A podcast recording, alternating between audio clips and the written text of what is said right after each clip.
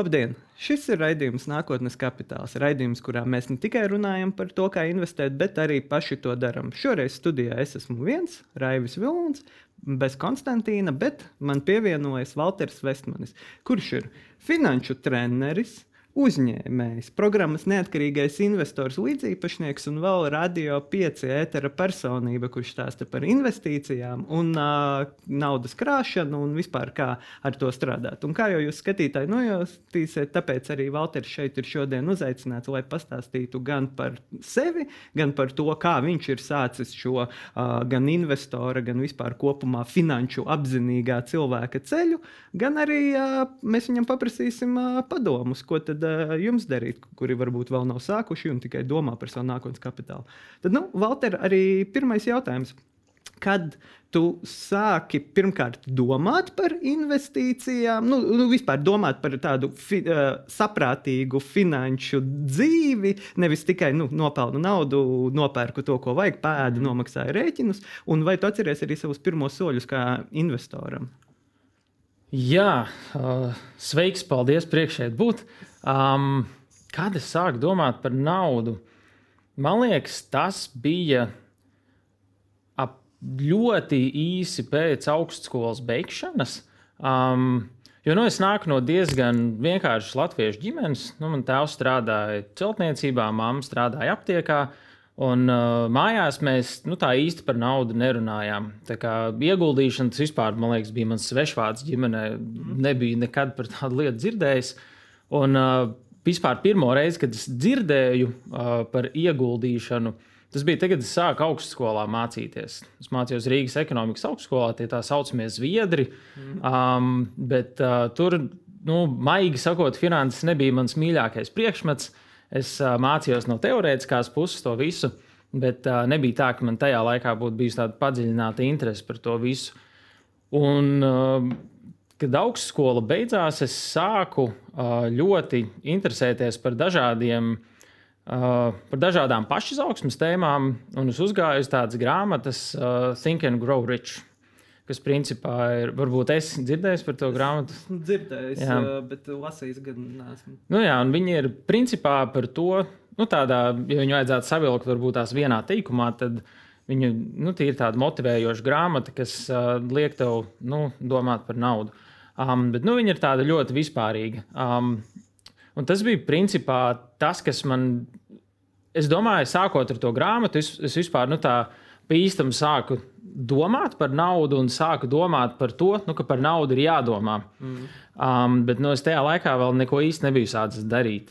Um, bet brīdis, nu, kad es tiešām, kad es varētu teikt, ok, šis bija mans pagrieziena punkts, kad es nu, tiešām pīstam sāku par naudu domāt, bija patiesībā tad, kad es pats sāku strādāt finanšu nozarē. Um, un tajā laikā man uh, priekšnieks bija šobrīd mans, ašos, mans šī brīža biznesa partneris Toms Kreisbergs. Mm Tajā laikā viņš bija priekšnieks, un viņš vadīja dažādus personīgo finanšu seminārus. Un es atceros, ka tikai ejot uz Toma semināriem, uh, nu bija, tas bija tāds pagrieziena punkts, kas man paši ieveda, ieveda finansēs. Um, un Pirmais ieguldījums man īstenībā arī nebija nekas šausmīgi interesants. Tas bija trešais pensiju līmenis. okay, ļoti saprātīgi. Jā. Tas ir tāds kā no mācību grāmatas, ko banķieri saka.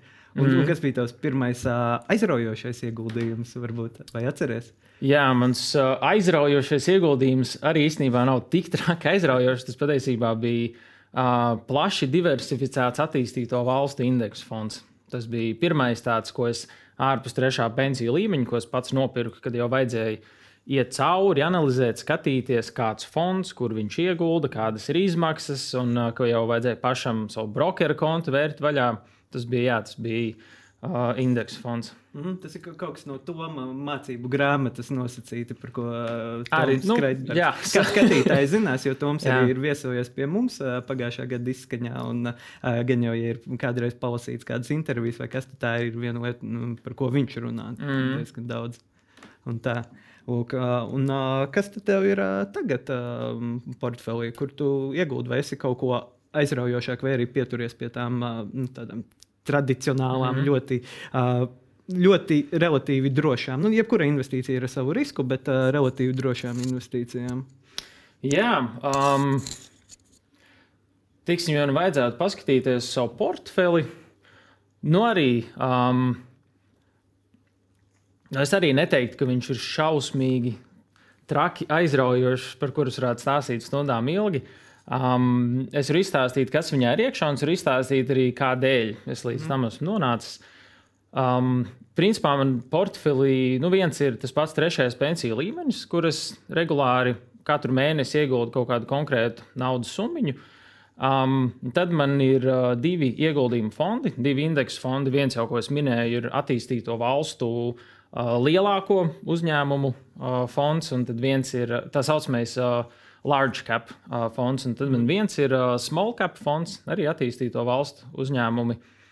Um, man ir uh, viens nekustamais īpašums, kas ir nu, dzīvoklis, kurā es pats dzīvoju, bet to es īsti neuzskatu par ieguldījumu. Uh, Jo tas nav kaut kas, kas man teikt, ģenerē kaut kādu naudas plūsmu. Tas ir uh, vienkārši dzīvoklis, ko es esmu pats iegādājies.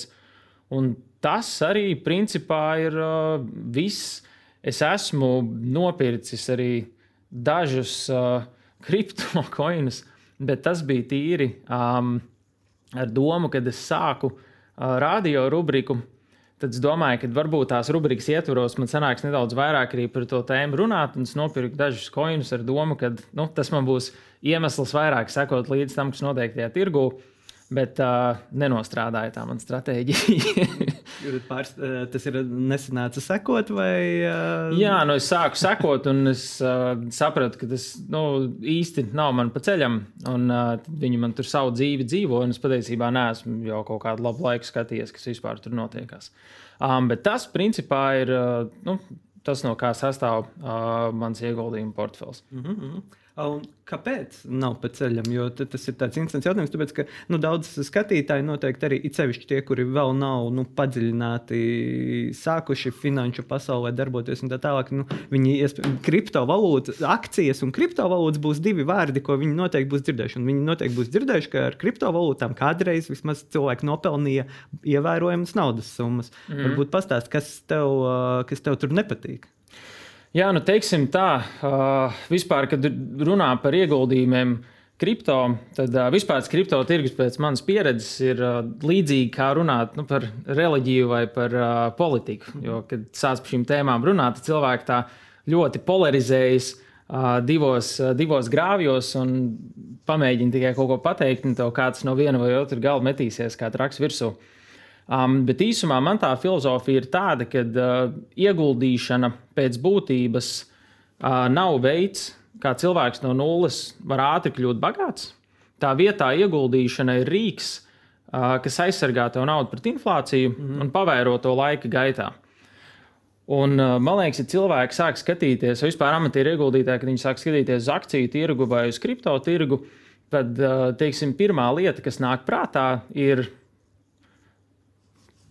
kaut kāda ātras peļņas iespēja. Mm -hmm. um, bet, ja tu skaties uz akciju vai uz kādu ieguldījumu uh, ar šādu skatu, tad uh, tas viss pasākums ir ļoti ātri sāk palikt uh, ļoti riskants un ļoti bīstams. Mm, mm, jā, nu, loģiski. Mēs pagājušajā gadā to arī ļoti labi varējām redzēt. Vēl nebija pienācis sliktākais brīdis kripto, nu, bitkoina vērtībā. Tātad, attiecīgi, un jau uh, visi kripto trakeri un tie, kas uh, nu, seko līdz tam, kas notiek, lielie dati liecināja, ka vairāk kā puse investoru jau bija zem ūdens uh, mm. pagājušajā gadā. Jo, nu, loģiski, pirms tam bija ļoti augstas cenas, un pagājušajā gadā tas nokritās pa piecām reizēm ja investēja kaut kādos slidenākos kripto projektos, tad 99% jā, zaudējumu nu, bija. Un, vaļā, un, un kā ar akcijām, individuālās akcijas, tu ne, nepērc, ne, ne, nemeklē, kur ko ieguldīt? Jā, nepateicu. Man ir viena uzņēmuma uh, akcijas, bet tā individuālas akcijas es īsti nemeklēju. Nē. Mm. Kā, kādēļ arī tas pats, ka tu līdzīgi kā ar kripto domā, nu, ka tas uh, nav vērts tur skatīties uz īstermiņu, un labāk ir domāt 10, 20, 30 gadi, un, mm. un tad tie indeksu fondi arī uh, uzrāda labāku rezultātu. Kaut kā tā. Ja? Nu, ja, tā īsa atbilde ir jā. Um, jo man liekas, ar ieguldījumiem akcijās, teiksim, kā es to skatos, ja cilvēkam tiešām tas patīk, tiešām tev patīk meklēt uzņēmumus analizēt viņus, mēģināt uh, uzminēt, kas tirgu notiks. Ja tas ir tāds kā nu, savu veidu hobijs, kas tev rada lielu prieku, man liekas, tad to var darīt. Tas var būt interesanti. Um, man personīgi tas uh, nav īsti nekad tā līdz galam arī interesējis. Um, un arī lasot uh, ļoti daudz un dažādas grāmatas par un ap finansēm, par, uh, par dažāda veida tirgus pareģošanu, um, es esmu sapratis, uh, un arī no personīgās pieredzes caur draugiem, es esmu sapratis, nu, ka tā ir tāda uh, nu, teiksim, neliederīga lieta, ja tu vēlies uh, nopelnīt naudu. Teiksim tā. Ja tas ir jā, tiešām kaut kas, ko tev vienkārši patīk darīt, forši, bet uh, ja tā ir vieta, kur pelnīt naudu, nav labākais, ar ko sākt un ko darīt. Mm -hmm, mm -hmm. Un, uh, nu, tad, jā, kā es arī sākumā pieminēju, liela daļa no tā, ar ko tu nodarbojies, ir, ka tu cilvēkiem māci un stāsti, kā vispār domāt par nu, naudu, par mm. naudas krāšanu. Es atceros, ka arī mums uh, Delfi darbiniekiem bija uh, video lekcijas, ko mm. tu mums stāstīji. Un viena no lietām, uh, kas man patika, kas man ļoti palika atmiņā, bija uh, tas, ka tu ļoti atklāti, uh, ne caur puķiem pateici, nu, ja jums šobrīd nav pietiekoši daudz naudas, lai jūs varētu vispār kaut ko uzkrāt, nu, tad jums ir vienkārši jādomā, kā palielināt. Mm palielināt savus uh, līdzekļus, vai nu papildus darbs, vai labāk apmaksāts darbs, un tā tālāk. Tad mm -hmm. uh, tu, tu neesi no uh, tajā grupā, kas saka, nu, ka uh, vienmēr var atteikties no vienas kafijas vai vienas bulciņas. Jo, nu, mēs zinām, ka Latvijā ir cilvēki, kuri nevar atteikt, kuriem, kuriem viena kafija un viena bulciņa nemaz nav sasniedzams mērķis. Mm -hmm. Un tā tālāk, es saprotu. Jā, um, šeit vispār tas, kā es skatos uz naudu, uh, ir uh, tā, ka nauda strādā principā pēc uh, trīs likumiem. Nauda ir vispirms jāmāk nopelnīt, tad viņa ir jāmāk uh, noturēt, un tad viņa ir jāmāk pavairot.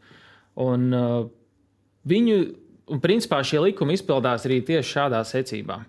Um, jo bieži es esmu redzējis, ka daudzi uh, personīgo finanšu treneri uh, sāk cilvēkiem, uh, teiksim, Viņi sāk ar ieteikumiem nedaudz no otra gala. Mhm. Uh, teiksim, viņi bieži daudz sāk ar krāšanu, bet, uh, ja tev ienākumi tiešām nu, ir nelieli, tad tur par krāšanu vai ieguldīšanu īsti nav nekāda runa.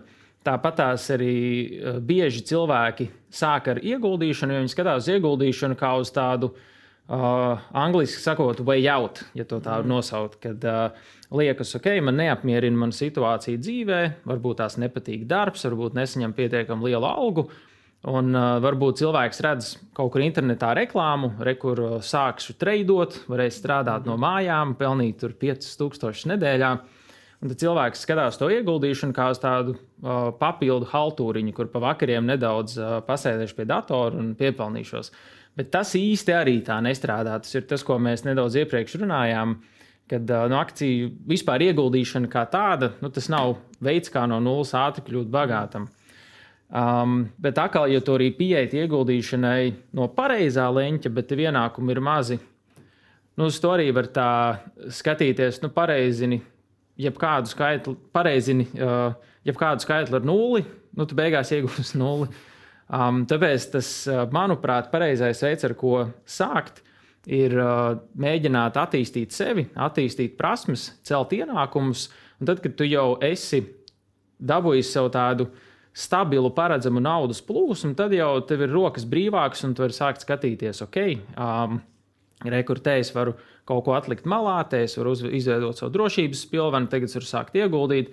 Un tas, man liekas, ir tāds, tāds foršs veids vispār, kā skatīties uz naudu lielajā bildē. Um, protams, uh, ir dažādi, uh, dažādi scenāriji, dažādi cilvēki, dažādi gadījumi, un uh, ir arī veidi, nu, kā, ko, ir arī varianti, ko darīt, ja nu, tiešām nezini, no kura gala tos ienākumus celt. Bet nu, šis ir tas, kā es uz to skatos, tādā lielā bildē. Mm -hmm, mm -hmm. Un, nu jā, nu tas klasiskais, protams, ir par to drošības pilvenu, ko visi min. Tad, nu, tas, tas, tas būtu nu, tas pirmais solis, tad, kad ir šie liekie mm. ienākumi, būtu uz, uzkrāt. Vai vai tas ir obligāts pirmais solis? Protams, tas vienkārši tīri mm. tā no sadzīves sarunām, gan jau arī cilvēki tev ir jautājuši, un viņi teikuši, ir, nu, ka, piemēram, parasti saka, nu, tās tradicionālās trīs algas vajadzētu uzkrāt. Un tad cilvēki saka, nu, kamēr es uzkrāšu tās trīs algas, man jau paies vairāki gadi. Nu, Apmēram, teiksim, ja, ja mēs runājam par cilvēkiem, kuri var atlikt nu, 50 eiro vai 100 eiro mēnesī, nu, teiksim, atlikt trīs vidējās algas Latvijā, tad būtu ap 3000 būtu jāatliek, ja tu mēnesī vari atlikt 100, tad uh, 30 mēneši, tas ir nepilni 3 gadi. Mm. Uh, bet cilvēkam jau, uh, nu, ja viņam nu, šajā brīdī jau ir kaut kāds entuziasms, ir varbūt kaut kāda interese, vai, uh, piemēram, nu, tā tīri uh, no, skatoties no tās labās prakses, vai būtu saprātīgi arī kaut kā dalīt, varbūt, piemēram, nu, puse atliekamās naudas drošības pilvenā, otra puse puse kaut kam jau, nu, kaut vai trešais pensiju līmenis vai indeksi vai kaut kas tāds. Kā tu uz mm -hmm. to mhm. skaties? Jā, tas ir ļoti labs jautājums. Um, es varbūt īsi ieskicēšu, kas manā skatījumā vispār tas drošības pilvens kā mm -hmm. tāds ir. Un uh, tad centīšos arī atbildēt uz tavu jautājumu. Um, nu, drošības pilvens pēc būtības tās ir kaut kādas uh, naudas rezerves, kas ir atlikts malā neparedzētiem gadījumiem. Teiksim, salūza mašīna, pēkšņi vajag vairākus simtus remontam, vai teiksim, dzīvoklī pārplīsa trūka, apludināja kaimiņus, pēkšņi vajag maksāt par kaimiņu, um, pēkšņi vajag maksāt par kaimiņa remontu. Vai arī kaut kādai pazaudēja darbu, un pēkšņi vajag nu, kaut kādas iztiks līdzekļus, lai vienkārši izdzīvotu. Uh, Un ar drošības pilvānu ir tā, ka katram pēc situācijas viņš arī var ļoti atšķirties. Jo, teiksim, ja tu skaties uz uh, potenciālu scenāriju, pazaudēji darbu, ok, šajā gadījumā, ja tu strādā oficiāli darbu, saņem oficiāls ienākums, tev ir bezdarbnieka pabalsts. Um, bet, teiksim, es esmu dzīvojis uz bezdarbnieka pabalsta, un uh, viņš tā ļoti ātri motivē atrast yeah. jaunu darbu. Um, Un šajā gadījumā, tev ir teiksim, tas trīs mēnešu drošības pilvens un bezdarbnieka pabalsts, tad jau patiesībā tu vari diezgan ilgi izdzīvot un mierīgi atrast jaunu darbu, un tiešām tādu, kas patīk. Um, gadījumā, nu, ja mašīna salūst un vajag remontam naudu, nu, tad uh, tur bezdarbnieka pabalsts uh, nepalīdzēs.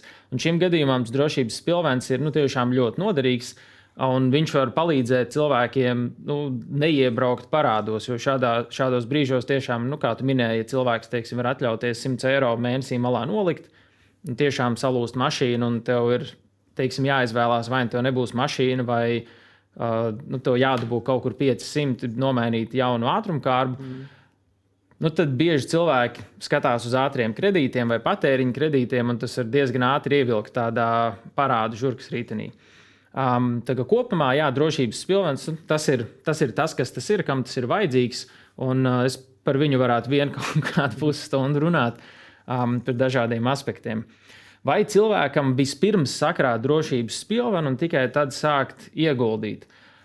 Tas ir tāds uh, interesants jautājums. Es parasti saku, ka katram tas ir atkarīgs no viņa um, riska tolerances, ja tā varētu nosaukt. Jo ir cilvēki, kuri no ieguldīšanas pēc būtības, nu, es neteiktu, ka baidās, bet viņiem tas liekas nu, kaut kas tāds, no kā vajag ļoti uzmanīties. Mm -hmm. Un, ja cilvēks jūtas ērtāk ar to, ka viņam vispirms vajadzētu uzbūvēt drošības pilvenu, un tikai tad viņš sāks ieguldīt, tad es teiktu, lai vispirms cilvēks dara to. Bet, ja cilvēks ir tāds, kam jau, nu, kā saka, gribās un prasās, un viņš jūt, ka kaut kur ir jau grib sākt ieguldīt, tad tas, ko tu jau minēji, sadalīt teiksim, pusi uz pusi, tas var būt ļoti, ļoti sakarīgs variants. Mm, jā, jā, jā. Nu, un, protams, teorētiski tur sanāk, var, var sanākt iebraukt zaudējumos, bet ir arī mums, piemēram, viena uh, viesa pagājušajā sezonā viesojās, kas stāstīja par to, nu, ka viņa pērk Baltijas akcijas, iegūt mm -hmm. Baltijas akcijas, bet nu, ir bijis pa laikam gadījumi, kad ir nepieciešama finanšu valodā runājot likviditāte, mm -hmm. nu, vienkārši ir bijuši nepieciešama vai mašīnas remontam vai kaut kam nauda, un viņi vienkārši ir kaut kādas nu, daļu no sava portfeļa vienkārši pārdevusi. Mm -hmm. Jo, uh, teiksim, tas atkarībā, protams, nu, no finanšu produkta, bet uh, nav, nav tā, ka vienmēr tā nauda nav pieejama. Mm -hmm. Vienīgais var sanākt, kaut ko zaudēt. Bet ko es tev nepavaicāju, pirms mēs vēl pārgājām pie šī jautājuma, ir, vai tavi saprātīgie, nu, tādi ļoti pārdomāti racionāli ieguldījumi pagājušajā gadā tevi pasargāja nu, no visām negatīvā kopējā tirgus situācijas, mm -hmm. vai tu gadu izgāji uz zaļā krāsas? Es teikšu godīgi, es uh, neskatījos. un es izstāstīšu, kāpēc es neskatījos. Jo man tā ieguldīšanas filozofija ir uh, sekojoša. Un tā arī ir daļēji filozofija. Vispār, ja skatās uz to, ko mēs uh, runājam no neatkarīgā investora perspektīvas, un uh, ko arī nu, piekopji, es esmu ievērojis ļoti daudz uh, tiešām aizņemti uzņēmēji, biznesa profesionāļi, cilvēki, kas pie savas karjeras strādā. Uh, teiksim, nu, pamatā vispirms ir jāsaprot, kas notiek ar mūsu naudu laika gaitā, ilgtermiņā. Teiksim, ja vienkārši tev stāv skaidra nauda matracī zem gultas kastē, vai vienkārši bankas kontā vai krājkontā, nu, ir tāda lieta kā inflācija, kas vienkārši laika gaitā naudas vērtību apēd. Un, ja skatās, teiksim, gada griezumā, tad, nu, protams, šobrīd inflācija ir uzšāvusies debesīs, līdz ar to Līdz ar to par viņu varētu atkal daudz runāt, bet, teiksim, ja mēs skatītos tādu standarta inflāciju 2-3% gadā, 10-20 gadu griezumā, viņi diezgan uh, traki apēd naudas vērtību. Um, tāpēc tā ir tā pirmā lieta, kad skatos ieguldīšanu, ir nu, kā naudu pasargāt no inflācijas, lai vienkārši viņai laika gaitā nezūd vērtība. Um, otrais, uh, kāpēc es uh, neskatos, kāpēc es pagājušajā gadā beigās, piemēram, neskatījos, kas ir noticis ar maniem ieguldījumiem, uh, Jo man filozofija ir tāda, ka es ieguldu ilgtermiņā uz kādiem 10, 15, 20 gadiem, un uh, ieguldot akciju tirgu, es rēķinos, ka man nākamos gadus, 5 vai 10, to naudu nu, īsti nevajadzēs. Man ir mani ikmēneša ienākumi, man ir mans drošības pilvens neparedzētiem gadījumiem, un es vienkārši reizi pāris mēnešos ielieku naudu savos indeksu fondos, un es principā par viņu aizmirstu un uz viņu neskatos. Um, Un kādēļ man šis variants ļoti patīk? Tādēļ, ka uh, dienā mans galvenais fokus ir mans bizness, mans darbs, un tas ir principā tas, kurus ieguldu nu, 70, 80% no stundām, ko es pavadu nomodā. Un, attiecīgi, ja man vēl būtu jāpievērš uzmanība, kas ar mani ieguldījumu portfeli notiek, tur tā teikt, būtu jāatmet gulēšana vai, vai kaut kādas izklaides vai kas tam līdzīgs. Tādēļ, jā, es vienkārši naudu lieku indeksu fondos, un es zinu, ka pēc kāda laiciņa, kad, uh, kad es sākšu mazāk strādāt, kad gribēšu sākt viņu tērēt, tad, uh, tad es viņu skatīšos. Bet tā gada no gada es aktīvi nesekoju līdzi, kas īstenībā ar manu portfeli notiekās. Mm -hmm, mm -hmm. Nu, jā, tas ir ļoti loģiski. Jo, nu, arī tas pasargā sevi no sirdsēstiem, jo mums daudzi viesi un eksperti, kas ir bijuši šeit, arī ir nu, daudz runājuši. Jo it kā investīciju pamatā ir, nu, tas, ir finanšu pratība, ma, arī kaut kāda zināma matemātika, izpratne par statistiku, izpratne par biznesu, par uh, pasaules trendiem, bet tur arī nāk klāt emocijas. Mm. Ir, jo nu, ir ļoti svarīga tā augstasinība pat piemēram, pagājušā gadā visu gadu noturēties pie saviem ieguldījumiem, ja tu tici tiem uzņēmumiem, nevis pēkšņi viņus notirgot. Tā. Jo tāds ļoti vienkāršs salīdzinājums, kā es uz to skatos, ir iedomājies, teiksim, ja tev pieder nekustamais īpašums, piemēram, māja vai dzīvoklis, ko tas nopircis par savu naudu, un tu vienkārši tur dzīvo. Viss, kas tev interesē, ir uh, dzīvot savā mājā, un viss. Un ja tu skaties katru mēnesi, katru ceturksni vai katru gadu uz to ieguldījumu portfeli, vai varbūt pat katru dienu, jo ja ir cilvēks arī katru dienu skatās, tad iztēlojies, ja piemēram tu dzīvotu tajā savā dzīvoklī un tev katru dienu nāk e-pastā paziņojums, tagad tev, oh, tev dzīvoklim vērtība nokrita par 5%, oh, šodien par 15%, oh, šodien pacēlās par 5%, un tu katru dienu skaties, nu, cik tev tas dzīvoklis ir vērts. Tas varētu būt tāds nu, šausmīgi stresains un nevajadzīga informācija. Reāli vienīgais brīdis, kad tev ir vērts zināt, cik tas dzīvoklis maksā, ir tajā brīdī, kad viņu vēlēs pārdot. Un tad arī skatītos, par kādu naudu viņi nopirki, vai viņu var pārdot ar peļņu, un vai ir īstais brīdis pārdot, nu tad tu to visu sāktu analizēt. -hmm. Un līdzīgi arī ar ieguldījumu akcijās, kad tipiski ilgtermiņā akciju vērtība aug.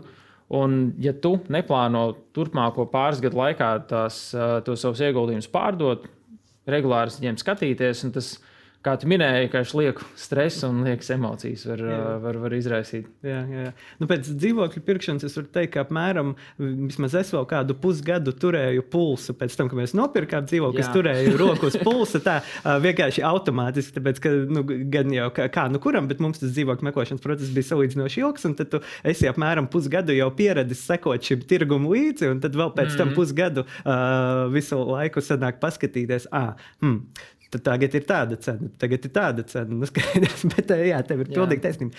Bet kā tad cilvēkam, nu, ja viņš grib sākt nu, domāt saprātīgi par mm. savām finansēm, nu, domāt nu, kaut, kā, kaut kādā sistemātiskā veidā, kā viņam sekot, vai viņam veidot Excel failu, rakstīt kladītē savus izdevumus, vai kāds ir nu, tas ieteikums, kā saprātīgi, bet arī, nu, varbūt, lai nesajuktu prātā, mhm. neuzskaitot mm. katru eiro centu. Kā, kā to darīt? Tīri skatoties uz izdevumu izdevumiem? Uz izdevumiem, un, uh, vis, nu, vispār kopumā, mm -hmm. teiksim, jo mēs, es domāju, ka liela daļa arī varbūt skatītāju, lai gan mūsu skatītāji, protams, ir finanšu pratīgāki varbūt nekā vidējais Latvijas iedzīvotājs, tā ceru, dārgie skatītāji, bet uh, ka, nu, kopumā daudz cilvēku jau uh, ikdienā neseko līdz, sāk sekot mm -hmm. naudai, tad, kad viņa beidzas. Viņa beidz tad, kad ir slikti. tad kā, kā kopumā sākt veidot to savu nu, kaut kādu ritmu, jo, protams, tu jau neko nevari uzkrāt, tu nevari neko pārdomāt, ja tu nemaz nezini, cik tev kontā mm. ir šobrīd nauda. Jā, um, tāds pirmais, ar ko reāli sākt, būtu saprast nu, savu situāciju, kur tu esi. Un ko tas nozīmē? Tas nozīmē vienkārši saprast, kur tev nauda aiziet. Un tāds vienīgais veids, ko es zinu, un ko es arī cilvēkiem iesaku, ir vienkārši mēģināt vienkārši paņemt divus, trīs mēnešus un sekot pilnīgi katram savam tēriņam. Vienkārši turpini dzīvot divus, trīs mēnešus, kā līdz šim dzīvo.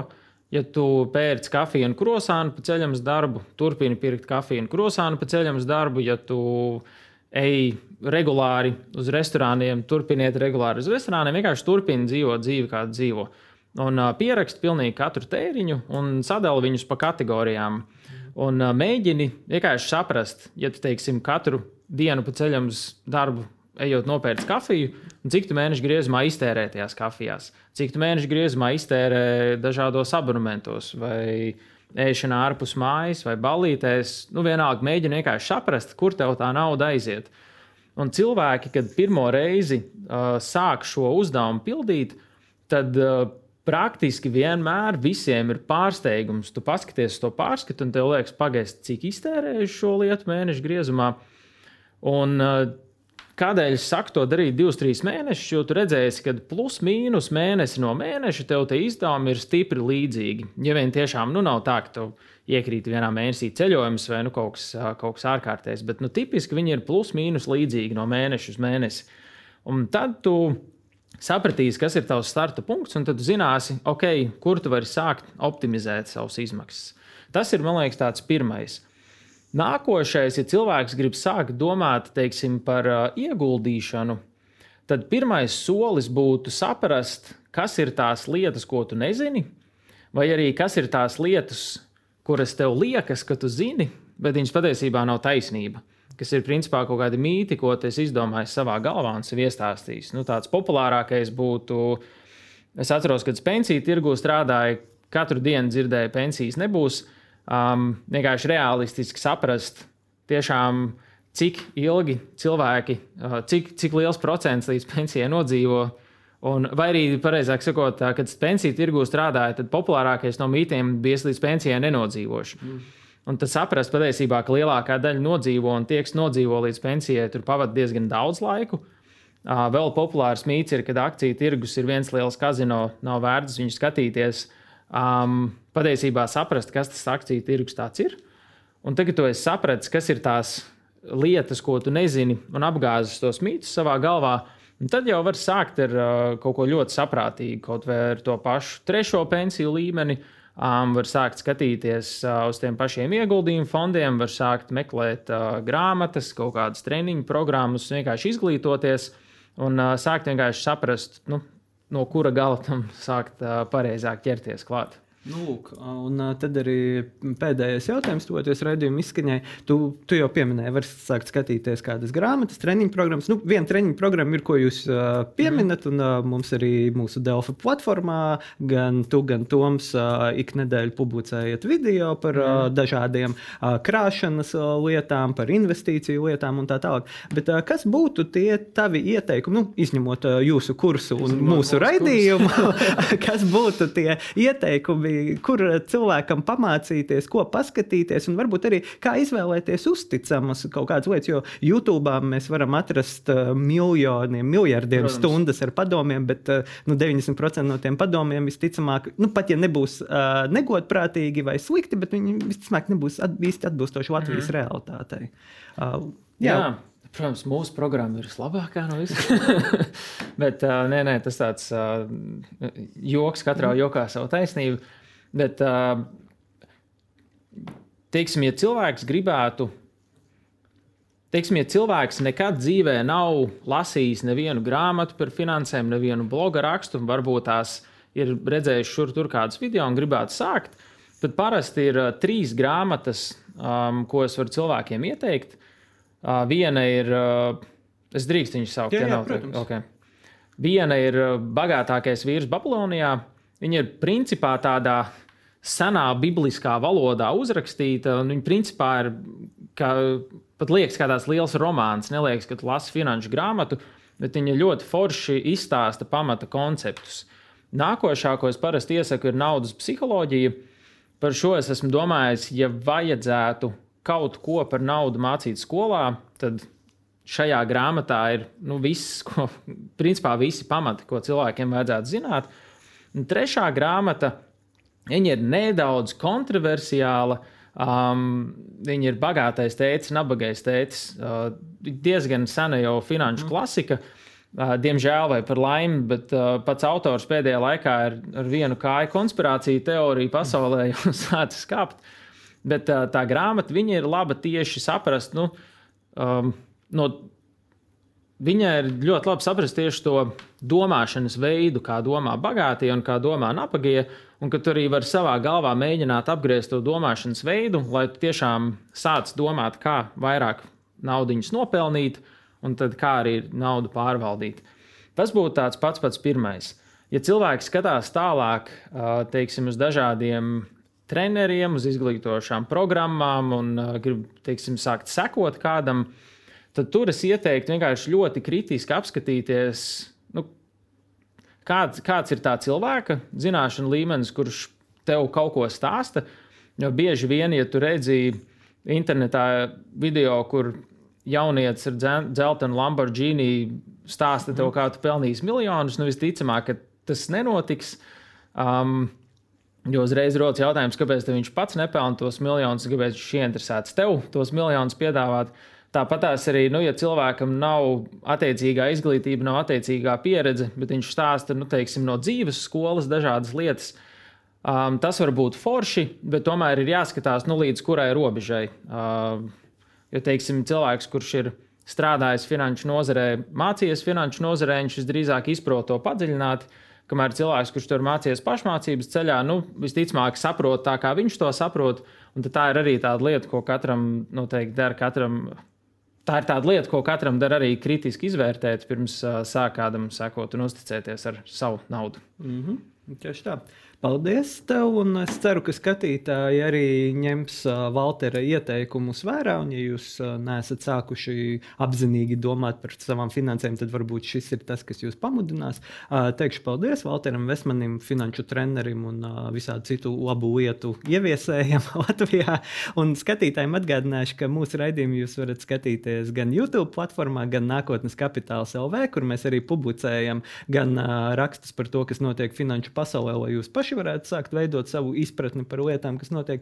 Gan arī mēs ar Konstantīnu ik nedēļu publicējam to, kā iet mūsu portfeļiem, lai jūs varat sekot līdzi un varbūt arī iedvesmoties. Paldies un uz redzēšanās! thank you